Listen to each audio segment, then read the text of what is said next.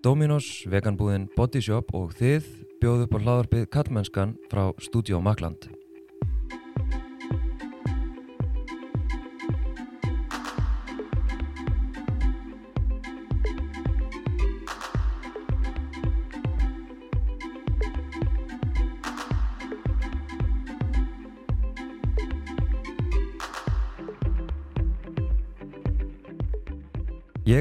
Ég heiti Þorsteinn Maf Einarsson og séum samfélagsmiðlinn Kallmennskan á Instagram og Facebook og kallmennskan.is þar sem þú getur meðal annars gerst bakkjarl þessa hlaðvarps og fræðslumiðlunar á samfélagsmiðlum.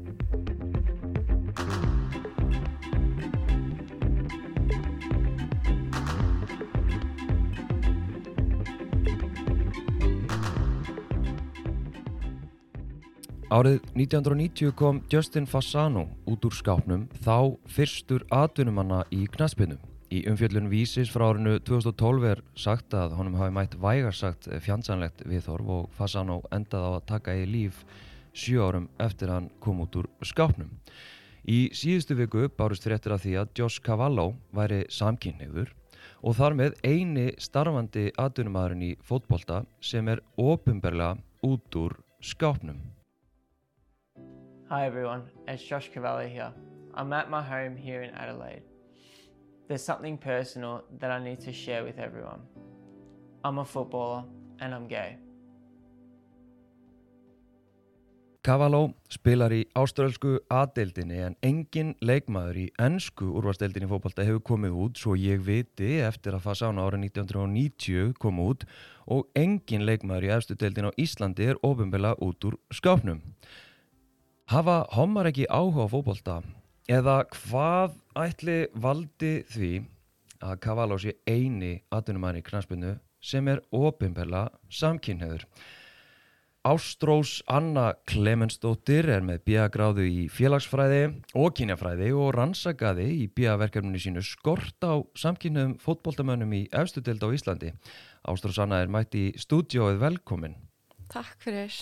Byrjum kannski bara á því að, að fá að vita hversuna velur þér þetta viðfangsefni að rannsaka eins og þú orðaðir hérna skort á, á samkynniðum fótboltamönnum? Já, sko, ég allavega æfði fótbolta þegar ég var yngri og æfði fótbolta í hérna mörg ár og þannig þetta er svona eitt mitt helsta áhugamál og mér langaði einhvern veginn á að samtvinna sko bæði einhverju sterku áhugamáli sama við jafnbrettismál sem eru mér ofalega í huga. Mm -hmm. og ég sérst fylgist með hérna ennska boltanum og hafði bara verið að velta þessu fyrir mér þú veist. Fylgist með leikmönunum og bara svona maður er alltaf að sjá eitthvað um persónulega líf þeirra þú veist. Og engin ofinbörlega samkynnaður þannig að mér langaði að skoða þetta nánar og hérna og ég mitt bara taka viðtöl við leikmenn hér á Íslandi vegna þess að þú veist, þetta er ekki bara í rauninni vandamál hérna á Íslandi, þetta er bara, við, bara viðsvegar um heiminn sko og Josh Cavallo er mitt þessi fyrsti bara frá því eins og þú varst að segja að Justin Fasano kom út Ömið. fyrir 30 árum Það, það er alveg klikkað sko. já, Það er algjörlega klikkað. En ég meina, og, og hvað gerur? Þú hérna, uh, þú tekur, hvað eiginlega, gerir eiginlega rannsók, mm þar sem þú tekur viðtöl við leikmenn í efstu deildum á Íslandi. já ég sem sagt tek við til við fimm leikmenn sem að hafa ímið spilað í Pepsi-deild sem er efsta deildin í hérna kraftspilnu hérna á Íslandi. Uh, fyrstu deild, annari, þriðju og fjórðu þannig þú veist. Þetta voru fimm leikmenn sem að höfðu bara farið sína eigin leið og spilað í mörgum mismunandi liðum og þannig að þetta eru ólíkir einstaklingar, þú veist, ólíkir klefar sem þeir hafa verið inn í og bara þeir búa yfir mismunandi þekkingu þannig að svona, þetta voru ekki bara fimm leikmenn í samanliðinu sem að Mm. um, gæti verið svona söpu upplifun þannig að ég náðu svona að, já, fá svolítið svona fjölbreytta mynd Ömið. Og hérna, og ég meina, getur þú líst þessum viðmælandi? Ég meina, eiga er eitthvað samilegt, uh, þú veist, hvernig, var einhver svona kategóra í þessu? þeir eru náttúrulega allir hérna óbyrberlega gagginir Já, og hérna, þú veist uh, á bilinu 20 til 30 ára eða þú veist, svona flestir kannski nær þrítugt þrýr þeirra hafa spilað í Pepsi-deild og hérna svona bara eru með mikla reynslu þú veist, flestir hafa verið bara í fókbalta alveg í 10, 15, 20 ár þú veist. Og, og hver svona, hva, hvert var markmið? Hvað hérna, uh, já, eða rann svona spurningin kannski bara? Já, sko, rannsóna spurningin var, þú veist, mér langaði að kanna, sko, hún var svona breið og hérna, mér langaði svo mikið að kanna þessa menningu og mér langaði að skilja hvort það væri eitthvað í þessari menningu sem að gera það að verkum að um, enginn komi út úr skáfnum og ég meina það hlýtur að vera, sko, ef maður pælir í þessu út frá tölfræði þá bara gengur það ekki upp að það sé engin leikmaður í efstu deild á heimsvísu samkynneir. Það er bara, þetta eru, ég veit ekki hversu mikil fjöldi leikmenn þetta er, en bara svona samkvæmt, eða út frá tölfræði þá bara gengur það ekki upp. Mm. En að sama skapi þá held ég sko að margir leikmenn sem að hafi bara verið góðir á svona úlingsárum hafi hugsalega helst úr lestinni út af því að það eru ákveðnar bara kallmennsku hugmyndir innan knáspinnunar og þetta hendar ekki ég get vel ímyndið mér að þetta hend ekki hverjum sem er að vera þú veist. Því að það verður alltaf mikil tími í það að æfa fókbalta á efstastígi þú veist, þú ert að æfa hvað, 5-6 sinum í viku kannski oftar Mm. mjög mikið með hópnum og inn í klefanum, þú veist, það er miklum samræðum við þjálfaran og bara svona, þú, þú þarft að þú þarft að standa þig og hérna samræmast ákveðnum svona svona ákveðinni ímynd, þú veist þessari kallmennsku fótbolta ímynd og ég meina, ég ímyndi mér ef að þú ert samkynniður eða þú ert sért einhvern veginn að burðast með kynniðina þína í hljóði þá sé erfitt að vera í þessu umhverfi og það eru dæmi um hérna, leikmenn sem að hafa um, hætt í fótbolta út af því að þeir þurftu bara að velja bara langa mig, þú veist, að lifa tvöföldu lífi og vera í fótbolta en samt samkynni er en ekki segja neinum það eða langa mig að bara í rauninni vera ég sjálfur, þú veist. Og Josh Cavallo veginn náði að gera bæði eða sér, hann náði að hann ákveður að halda áfram og vera þessi fyrsti og sem er alveg rosa stórt skref sko. Já, sérstaklega þegar að, að því að hann þekki vandalega söguna mm -hmm, að þessi, þessi eini e, maður sem hefur stíðið fram mm -hmm. að honum mætti það fjandsanlegt umhverfi að, að hérna og svo er svona spurning sko hvort að að hérna, hann hafi verið sagaður að ósegju sko um að, að brjóta á einhverjum unglingsstreng sko. Sem Einmitt. staðalmyndum um hættulegu hommana sko sem brjóta á unglingsstrengjum eitthvað. Nákvæmlega. Þannig að hérna þetta er náttúrulega bara, þetta er risastórt sko skref mm -hmm. En ég forritin, ég meina, þannig að þú ferð á stað með ákveðna insýn, ákveðna hugmyndir, náttúrulega sjálf þá í fótbolta og kannski ennþá eða hvað. um, ég spila svona með Já. en, en ekki á sama level og ég gerði áður Nei, ok, þannig að þú, þú, þú þekkir menninguna, uh, hefur ákveðna insýn mm -hmm. og ákveðna kannski hugmyndir um hérna hvers vegna þetta er svona og ferð á stað og, og, og ég meina, hvaða svona, hverjar eru helstu niðurstöðuna sem að þú hérna dreifur fram úr þessum viðtölum? Mhm.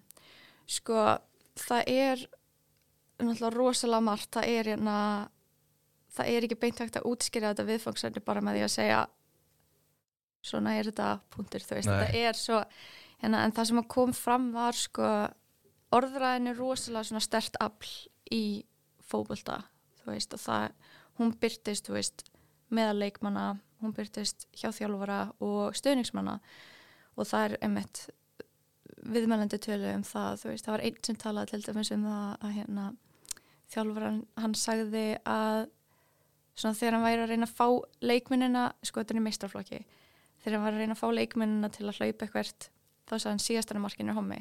Og þetta var, ég tók sér viðtöl fyrir einu og hálf ári. Mm. en þetta var bara það er ennþá verið að nota einhvern svona talsmáta skilur um, það er einn viðmælandi talaði um þú veist að hérna, maður ætti ekki að haga sér kvenlega, það væri svona konsensusin, þú veist, maður ætti ekki að það væri að vera sem sagt homma háar er svona ákveðin reyfing þar sem þú liftir upp í uppbytun, liftir upp njánum og það er einhvern veginn ekki kallmannlegt, þú veist Mm. þannig mm, og svo bara þetta, þú veist, að spila þú átt ekki að spila eins og kettling, þú veist einn sem talaði um bara að það er einmitt sagt bara, akkur þetta akkur fóst ekki í hennan bolta, skilur akkur þetta spila eins og kona, þannig að það er svona verið að oft hérna gera lítið úr leikmönnum á kostna hvenna um, og svona tengja þá við, þú veist.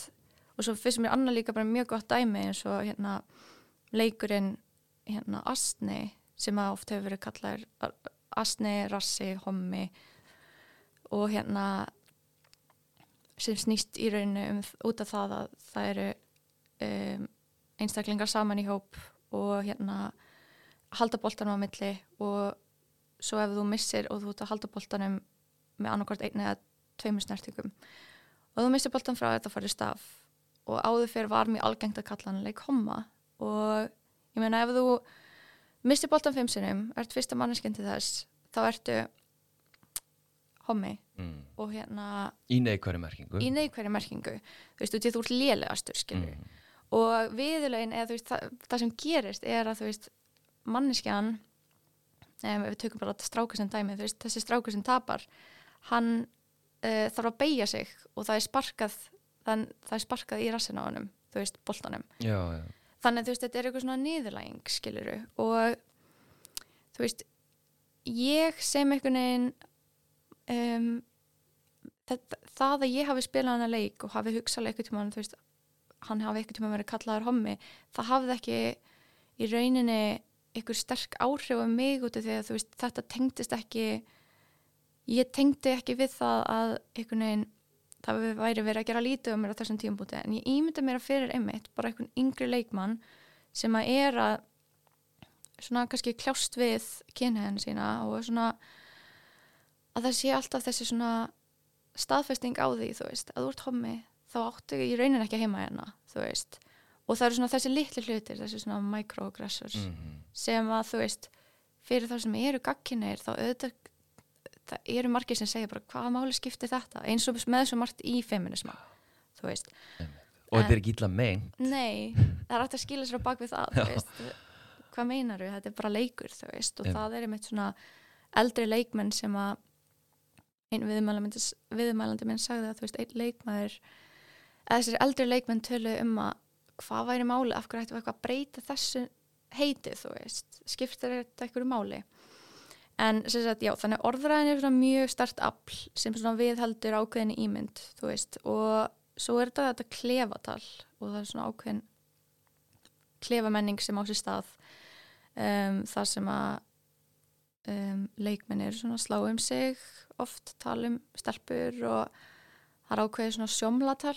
Sjómlatal er sem sagt svona veit ég hvernig ég á að lýsa í um, sjómli er í rauninni bara afbökun á orðinu gamli og oft svona verið að nota það þú veist annarkvort í kaltænisleiri merkingu eða svona eitthvað finnast eitthvað flottur þú veist. Mm. og þeir tölu um það við meðlandunum mínir að það væri kannski ekki mjög mikið rými til þess að fara í trún á tala um svona djúb og erfi málefni heldur væri oft verið að einmitt þess að ég sagði áðan svona sína af sér ykkur ákveðna mynd þú veist, eins og fótboltinn þetta er náttúrulega hóp íþrótt þú ert að spila í liði með öðrum leikmönnum þú vilt að liðinu þínu gangi vel en það er samt einstaklings uh, framtaki sem skiptir máli. Þú veist, þú vilt þú vilt vera bestur eða best, en í þessu tilviki bestur. Þú vilt um, að, að þjálfurinn velji þig í hópin, þú veist og þannig þar leiðandi þá vilt ekki gefa á þér eitthvað högstað og með því að til dæmis tala um andli veikindi eða já bara kvíða, þunglindi eða hugsalega að þú sért á eitthvað nátt öðruvísi, að þú sért ekki gagkinniður Mm. þá ertu hugsalega að gefa á þér eitthvað veikan blett? Mm. og hérna, en svo voru leikmenn sem tölu um það sko að það væri hugsalega ákveði kynnslóðabil að þú veist, ég spurði þá hvað hvernig þeir myndi taka því ef það kemur leikmenn út úr skápnum. Og þeir náttúrulega auðvitað sögðu bara að það- þeir myndi taka því vel og þú veist, ég vil bara trúa því. En þeir sögðu samt að það gæti verið að það myndi einhvern veginn breyta dýnamíkinni innan hópsins, þú veist að fara í styrtu með leikmanni sem er samkynneir, þú veist að væri kannski eitthvað tiltökum mál fyrir eldri leikmenn. Og þeir töluðu svolítið um svona þetta kynnslóðabild, þú veist að þeir finnist yngri leikmennir svona skilja meira og vera hugsalega opnari fyrir því. En þessir eldri leikmenn ættu kannski erfiðara með það. Og það einhvern veginn helst svolítið í hendur bara við finnst mér bara hvernig kallmennskan að kallmennskan sko að, kallum er ekki settar jafn þrengar skorður kannski núna meðal úlinga og fyrir kannski 20-30 árum þar sem að þú veist það voru svona ráðandi kallmennsku hugmyndir og auðvitað er þar ennþá í gangi. En allavega með við rannsóknir sem ég hef lesið sem tengjast þessu málefni þá má bara kallmennsku yfir höfuð. Þá er svona allavega smá vonum að, að þeir fái aðeins meira rými til að tjá sig um, svona um tilfinningar og þurfu ekki svona endalaust að vera einhvern veginn að sanna sig og vera þú veist sína af sér eitthvað svona ráðandi kallmennsku hugmyndir. Og ég er bara vona að þetta sé að skila sér innan klefans og ég meina það lítur að vera kannski eitthvað þáttur í það í að Joss Cavallo komundu skáknum í síðustu viku. Þú veist, þannig maður svona maður vonast til að því að samfélagi er alltaf á ykkur breytingu, þú veist, er, það er hérna saman hvort þessi góð eða slæmbreyting þá er samt, menningin er alltaf eitthvað einn að breytast og við erum að þannig að þú veist hérna, ég vona bara að Joss Cavallo sé svona inspiration fyrir mm. aðra leikmenn, þú veist ja, og, ég, og ég er náttúrulega vonað það líka og, og, hérna, og einmitt með ungu kynnslóðunar sem er svona við bindum oft í umræðinni mikla væntingar og vonir við ungu kynnslóðana og hún fær okkur svona betri heim og meira kannski meira jafnbretti og allt þetta. Um, en ef við tölum áfram bara um fókbalta og ég ætla bara að spekla sko mína reynslu að því að koma ungur inn í meistaraflokk, 15 ára eða eitthvað og þú veist, jú ok, segjum að segjum að ég væri að koma inn núna. Ég ætla bara að setja þetta í einhverja myndina mm, ég kem inn ég er ungur, ég vil vera einmitt bestur, ég vil vera í liðinu ég vil tilheyra, ég vil vera eins og hinnir og þá er einhver áðandi menning sem er vantilega daldir áðandi af þessum, þessum sem eru eldri. Þannig að ég tek inn í mína kannski sjálfsmynd sem fókbóltamæður ákveðnar hugmyndi frá þeim þeim sem fyrir eru. Uh, og svo náttúrulega gerir, þú veist, við erum ekkert svo lengi fókbalta, þetta er kannski ég menna, ég veit ekki, max 15 ár mm. þú veist, kannski cirka 20 upp fyrir 30 þannig að er, við erum ekkert að tala um eitt langan tíma til þess að verða einhver svona, hvað segja ég verð svo fljótt uh, gamall, þú veist, mm. frá því að ég var ungur efnilegur og svo verð ég bara einað þessu reyndum mjög mm. fljótt og þar alveg er ég komin í ráðandi stöðu til þess að breyta menningunni eða festan í sessi og það er kannski það sem ég hef ágjur af uh, þú veist, þessir sem að þó ég vilji trúa því mm -hmm. að mhm. þeir séu opnari mm -hmm. og mhm. það séu mögulega eitthvað kynslaðabil ég vil trúa því, en ég er samt svo evins mm -hmm. að því að menningin er svo ráðandi og sérstaklega þessi kallmennsku menning og þessi kallmennsku hugmyndir eru búin að vera svo lengi eins í rauninni það er svona þessi rauðið þráður uh, svona ég bara super straightness einhvern veginn og, og hérna og svona einmitt homofóbi og kvennfyrirlitningar sem er búin að vera svo lengi Akkurat. að ég svona ég tengi þetta helst við ok, ég er að blara þetta endurast núna en sko, ég tengi þetta þegar þú segir sko hef, eftir þeim að já, við myndum örgulega að taka vel en ég veit ekki með þessa gömlu að rámar þá í rannsókn þar sem að vera að tala um minni mig í lauruglun árið 2012 eitthvað þar sem að vera að tala um sko að það var að tala um hérna þegar þeir verða fyrir áfalli mm -hmm. eitthvað kemur upp á svona félagstöðningurinn og þá voru allir viðmælendur sem sagðu, jú mér finnst ekki að því ef að fólk, að menn leiti sér aðstóður við áföllunum en ég myndi, þú veist, ég myndi svona ekkert gera það það, skilur, það er strax komin aðgrinningin mm -hmm. þú veist að sko, jújú, jú, það er allt í lagi fyrir hina mm -hmm. hinamennina, en, en ekki fyrir mig af því að, af því að hvað? af því að þú ert alveg maður en ekki þeir, að fattur þau mm -hmm. að þetta sem ég ágjur af ok, þetta var mjög langur aðdraðanda spurningu sem ég ætla að enda þig hérna En sko þegar þú ert að taka viðtulinn og þú heyrir hvern fyrirlitningun og sér hvern fyrirlitningun og heyrir talsmátan og öll þessi dæmi mm. hvernig einhvern veginn, eh, já, ekki hlaupin svo kelling eða ekki spilin svo kellingar og allt þetta og þú sem fókbóltakona, hvernig svona slær þetta þig þegar þú heyrir þetta lingo, þennan talsmáta? Þetta er einhvern veginn svo magnað út af því að þú veist, ég man bara eftir því að hafa frá bara ungum aldri, bara þegar ég var lítil þá var maður einhvern veginn svo vanur þessari orðræði, þú veist að það var sagt ekki spila eins og kettling, þú veist, maður var einhvern veginn bara hvað 7-8 ára maður heyriði, þú veist tala svona, það er slæmt að spila eins og stelpa, þú veist, það er einhvern veginn bara eitthvað svona sem maður bara í rauninni smá sætti sig við og svo þegar maður verður eldri þá fer maður að hugsa en af hverju? Ég meina þú veist, ég gati eitthvað í fókbalta þú veist, ég veit að liðið mitt er mjög gott, af hverju eru eðskilur bara og það er svona auðvitað er þetta eh, það er einhvern veginn bara rosalega, mér finnst aðalega sko skrít mér finnst, mér finnst einhvern veginn bara skrítið að þessi orður að eiga sér stað sko meðal fullaruna manna mm. og sérstaklega þjálfari sé að viðhalda einhverju svona um, síðastar markinir hommi, þú veist, og einmitt að tala um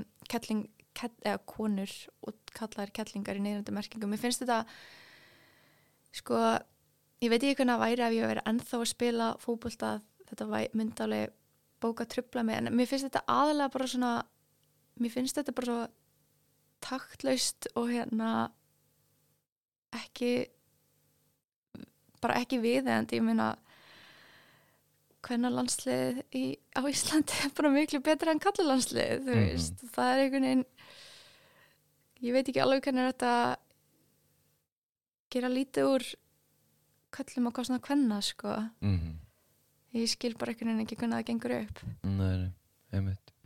En það var líka annað sem að mér varst ótrúlega áhugavert úr hérna, þinni rannsók, það eru dæmin sko, það sem að leikmenn virðast uh, geta leiki sér með, með hegðun sem að við teljum jafnvel til samkynniðar mm -hmm. hérna, þannig að þess að segja mér nokkur svona, eða, þessi dæmi eins og úr sturtuklefanum og eitthvað Mhm. svona Já, ertu að tala um svona þessa hugsalega homoerotísku hegðun? Já, Já, um, einmitt, sko það, það er alveg, þeir töluðu um það að þeir hafa svona kannski, ef þeir eru ykkur sigur vímu ná að skora mark að þá svona, kannski sláður kon annan á rassinn, þeir kissa kon annan, þú veist, það er eitthvað svona partur af ykkur atvinnulínu og um, bara sk- inn á vellinum þá, þá finnist þeim allt í lægi að haga þessi svona út í að það sé partur af velgengninni, þú veist. Þeir eru svo góðir liðsfélagar að það er allt í lægi að gera þetta undir þessum kringumstæðum. Og, og svo líka innan klefans, þú veist að þá heyrði ég af því að þeir voru að hérna pissa okkur annan í styrtunni og svona einn sagði mig frá því að þeir hafi verið saman inn í, í styrtuklefa og þeir hafi allir nema einn lagst á styrtu botnin, sett sápu á bakið á, á hverjum öðrum, leiði við hlið og svo tók einn tilhaup og rendi sér yfir hérna bara þessa leikmenn og naktir og Mm. þetta er einhvern veginn svona ég veit ekki undir hvað öðrum kringumstæðum þetta myndi eiga sér stað þú veist, þetta er svona þetta er mjög ég veit ekki hvernig maður myndi flokka þetta sko, en þetta er eitthvað svona það virðist vera eitthvað svona ákveði rými fyrir þá til að til að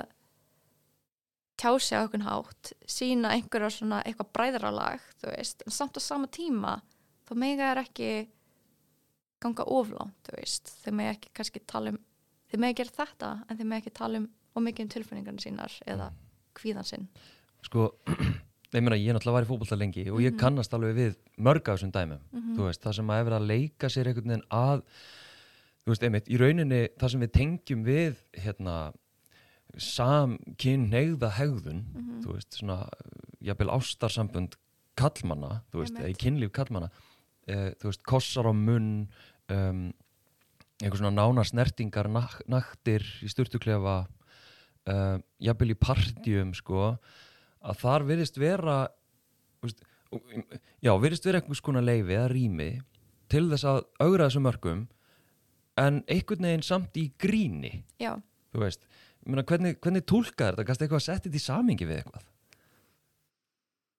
Já, ummitt, sko. Um, það var náttúrulega alveg bara þetta, þú veist, að þetta er alltaf sett fram í gríni, þú veist, að það er svona, þú getur í rauninni ekkert verið alveglegur og, kist liðsfélagin inn á vellinum skilur þetta þarf alltaf að vera eitthvað svona sett upp í ykkur smá gríni mm. um, og ég menn þetta er ekkert bara viðmældur mínu sem ég talaði við heldur er þetta líka, þú veist það eru til myndbönd bara á YouTube af bara frægum fótboltamennum bara að kissast skilur þegar að, eftir að hafa skora, skora mark Mm. um, og ég held að þú veist ég meina eins og við vitum þá er kallmennska ekki eitthvað klift og skorinn og þeir eru allir einhverjir einhverjir macho menn sem hafa ekki tilfinningar þú veist, auðvitað, ég held að þetta brjótist fram í út af því að þeir eru kannski bara búin að vera að, að reyna að samræmast einhverjir ráðandi kallmennsku hugmyndum og svo en þeim þykir væntu hvernig annan. Þeim, þeim langar, þeir, þá, þá langar að sína fram á það og þá brýst þetta fram í einhverju svona hegðun, þú veist. Þetta er einhver, einhvers konar svona já, ég veit ekki, væntum þykja eða eitthvað eitthvað grín, eitthvað persónusköpun? Ég veit það ekki alveg. Mhm. Eða jafnvel bara hluti af hýrarkíu sko milli kallins einstaklinga því að ég veit að það er ekkit allir í liðinu sem að sko þóra eða meiga eða geta tekið þátt í svona senum eins og að sápa sig á styrtugólun og renna sér naktir yfir hvern annan eða, eða kissa hvern annan á munnin þú veist það er ekkit allir sem geta þetta eða meiga þetta. Það komast alltaf heldur ekkert allir inn í klefan þú veist, Einmitt. hann er útvalinn staður fyrir þá bestu. Algjörlega sko. Þú veist þannig ég veldi fyrir mig hvort að, að mm, þetta sé líka hluti af því af stigveldinu milli kallkins einstaklinga innan klefans innan menningu þeirra. Einmitt. að svona, þú veist, ég er það mikill kallmaður að ég meiris að get sínt af mér þessa hegðun án þess að gjaldfella virði mitt. Akkurat, Fattarðu? já, þú veist að alveg eins og bara hérna grein sem er skrifuð um mm, sem að heitir ég man ekki hvað hann heitir, skali kallmennska eða eitthvað sem að vera orðræði greina uh, Gils, hérna mannasið Gils frá Já. 2011 einmitt. Þar sem að í rauninni var svona að vera að sína okkur aðra tegunda kallmennsku, einhver arfleið Beckham tímabilsins 2006-7 eða eitthvað, ég man ekki. Þar sem að sko þeir máttu vera snirtilegir og að að einhverju leiti kvenlegir en á, en, en á sama tíma til þess að viðhalda virðingu sinni og, og karlmennsku þá þurftur að sína fram á aðgreininguðina frá einmitt samkynhegðum uh, svörtum Mhm. og íkta hérna, svona sigra á kynferðisviðinu Mhm. Þú veist, þetta var svona ráðandi sko. þannig að það það varði eitthvað annað að koma í staðin ef þú ætlar að vera svona snirtilegur og að þá verður þú að sína fram á kallmennskuðina íkt eitthvað annar staðar einmitt þetta metrosexualdi sem David Beckham eiginlega svona kóinaði, þú veist Mhm. hann einmitt, ég, ma ég man eftir að hafa skoðað þetta sko og þú veist þar, þú þarft náttúrulega eiginlega að vera og að tala um að maður þurfti eiginlega að vera hvítur til þess að geta þú veist verið í svona ljósum fötum og verið kannski í svona þröngum fötum og þú veist verið hann var alltaf smá að, að svona íta við kallmennsku hugmyndum en á sama tíma þá var eina ástæða fyrir hann gata var átti hann var í ráðandi hóp Mm. þú veist, hann var ríkur myndalegur fótboltamaður Mm. þú veist og bara í ennska landsliðin ég meina það er enginn að fara um, setja spurningamerki við kallmennsku hans ef hann er að vera góðu fótboltamaður skilur það er einhvern veginn svona Mhm. Og ég velti því fyrir mér að sko þarna hvort að hann hafi skapað svigrum þú veist, fyrir segja já, aukið svigrum kallkins einstaklinga til þess að vera alls konar eða hvort að hann hafi í rauninni bara ríformað eða endur mótað ráðandi kallmennskuna í einhvern annan búning þú veist, og ég menna það er alveg vísbendingur um það síðan þegar við skoðum í rauninni áhrif gils á íslenska kallmennsku þú veist að hérna hvernig hún er bara sett í einhvern annan búning og, og svo sjáum við rannsóknu þína og fleiri rannsóknu sem sína fram á homofóbían er svo sannlega þarna ennþá. Einmitt. Þannig ég veldi því fyrir mér uh, sér þú fyrir þér einhverja lausn á þessu? Hvernig, hvernig getum við breytt menningu innan klefans, hvernig getum við útrýmt homofóbíu uh, úr fótboltanum og bara úr kallmennskunni yfir höfuð? Þetta er ekki einfaldar spurningar hefur, við séð fyrir þér einhverja lausn? Sko, mér finnst fyrst og fremst það þarf að eiga sér bara eiga sér stað samtal veist, þetta hefur bara algjörlega setið á hakanum finnst mér bara þessi umræða að jafnbreytis umræða, ég meina við höfum séð það bara undarfarna vikur að ég meina jafnbreytis umræðan innan knattspinu sambandsins hefur ekki verið til staðar. Og um, íþróttarreyfingin miðar að því að vera aðgengileg öllum, hún á að vera það þú veist, að á hver sem er að geta æft fótbolta eða handbolta eða hvaða íþrótt sem það nú er. Um, en sko ef við pælum í þessu út frá ég meina ef við pælum í þessu út frá því að það eru hugsalega leikmenn sem að hellast úr lestinni út af það eru kallmennsku hugmyndir í gangi innan fótboltans þá er ykkur ákveðin hópur sem að er ekki þú veist, hann stendur ekki jafnum fæti við aðra það er verið að útskúfa á Mhm. ákveðin hátt með því að hafa ekki fræðslu um, og tala ekki um þetta. Ég meina þú veist þetta er það þarf bara að mínum að það þarf að rannsaka þetta frekar. Það þarf að, út af því að það er veginn ekki eðlilegt að sé sko fullarinn þjálfari að segja við leikmenn á 30-40 aldri síðastur að markinu er hommi. Þú veist, alls konar svona litli hlutir. Þú veist, það er hana, það þarf að eh, já, aðalega bara fræða finnst mér sko tala við yngri kynnslóðanir um hérna einmitt maður bindur svo mikla vonum við yngri kynnslóðana en á sama tíma einmitt, veist, það það er ekkert hægt að gefa þeim svona ótrúlega mikla ábyrgð, þeim mun ekki leysa allt, veist, við náttúrulega, við þurfum að vera í einhverju samvinnu Mm. um, já, þannig það, einmitt, það þarf bara þetta er svo stór spurning sko og mér eins og ég sé komin í eitthvað svona forvarnastarfi eða eitthvað að vera en já, já. Þú voru að koma með lausnina sko. Ná, út að benda vandamálið, þá voru að koma með lausnina lausnina, Þetta er alltaf sko. krafan sko. Já, nákvæmlega. Um,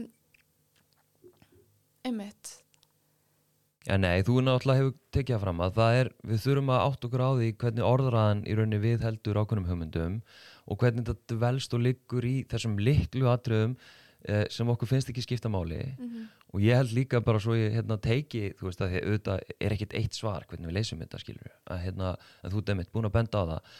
Og líka ég held að við þurfum að áfram að halda, ég held að við þurfum að halda áfram að skapa þessa pressu bara í samfélaginu almennt Mhm. eins og til dæmis uh, KSI-málið hefur gert, það er að skapa pressu á að horfast í augu við eitthvað sem við höfum vilja ítöndi teppið, sópundi teppið, bæja í burtu, þakka niður af því að það er svo óþægilegt, við vitum ekki hvernig við erum að díla við þetta algjörlega og sama með homofóbíuna, sama með bara ofbeldi, Já. þú veist, almennt. Þannig að ég held að við þurfum að skapa pressu með áframaldandi umræðu við hérna, fræðslu og svo framvegis, bara í víðu samhengi, af því að ef ég setja þetta síðan í samhengi bara almennt við karlmennsku hugmyndir, Mhm. þessar svona hugmyndir sem höfum um það hvað þýðir að vera kallmaður í okkar samfélagi, að þessar hugmyndir hafa breyst svo ofbóðslega hægt og lítið á síðustu áratugum. Já, þú veist, við erum pikkföst í einhverjum rótgrónum hugmyndum um það hva, hvernig við hefum að vera og hvernig við megum vera. Þannig að, veist, ég held að þöggs ég náttúrulega bara byltingum hvenna að þá höfum við veist, allavega á Íslandi, við höfum alveg ótrúlega mikið tækifæri. Og það er frjóri jarfiður ég hef sagt það svo, það er frjóri jarfiður fyrir jákvæða kallmennsku mm veist, fyrir kallmennsku sem að þarf ekki að, að rótfesta sig í, í þessu, þessu stigveldi milli kallkins einstaklinga aðgreiningu frá samkynni og konum veist, við, það er klálega frjóri alvegur og við þurfum bara held ég að einmitt, taka þetta samtal, gera pressu skapa pressu, fræða og, og, og svona bjóða líka upp á samtal sko. 100% algjörlega. Og einmitt þetta með sko KSI-máli ég meina ég hafði alveg vitað af ímsa af þessu sko í nokkur ár. Einmitt, og bara flestir í kringum mig veist. Og það er einhvern veginn um leið og það er einhver manneska tilbúin að bara taka samtalið, þú veist, opna það og benda einhvern veginn á eitthvað vandamál sem að er margir eru meðvitaður um en það þorir enginn að tala um það mm. og ég held að þetta sé bara svipað þú veist, þetta er bara það þarf að tala um þessar kallmennsku hugmyndir Mm. og hérna þessa homofóbíu, þessa kvennfyrirleitningu, bara allt þetta sem að á ekki eiga sér stað innan íþróttastarfs á mínum mati sko. Ástrós Anna Klemensdóttir, takk kærlega fyrir að koma og spjalla með mig. Já, takk